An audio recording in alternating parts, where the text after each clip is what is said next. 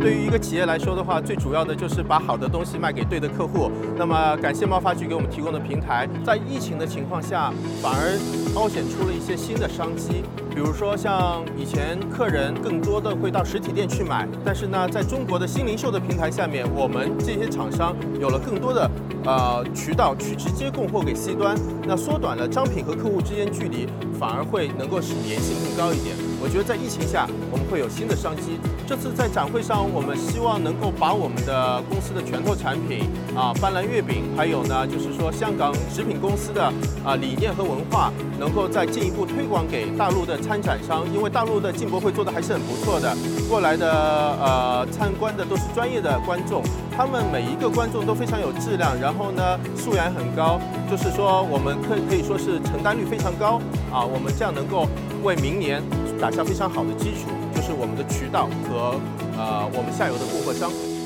香港的企业啊，应该是抓住中国大力发展大湾区的这个机会啊，在这一个大的背景下面，以大湾区的发展为基点，然后呢，我们再把以点带面的把我们香港的产品。更广、更多的推广给大陆所有的一些呃我们对应的客户，让他们能够享受到更好的东西。因为大陆一直在发展，高速的发展当中，它对于产品的要求和文化，其实已经和香港很接近了。我觉得香港企业会有更多的机会。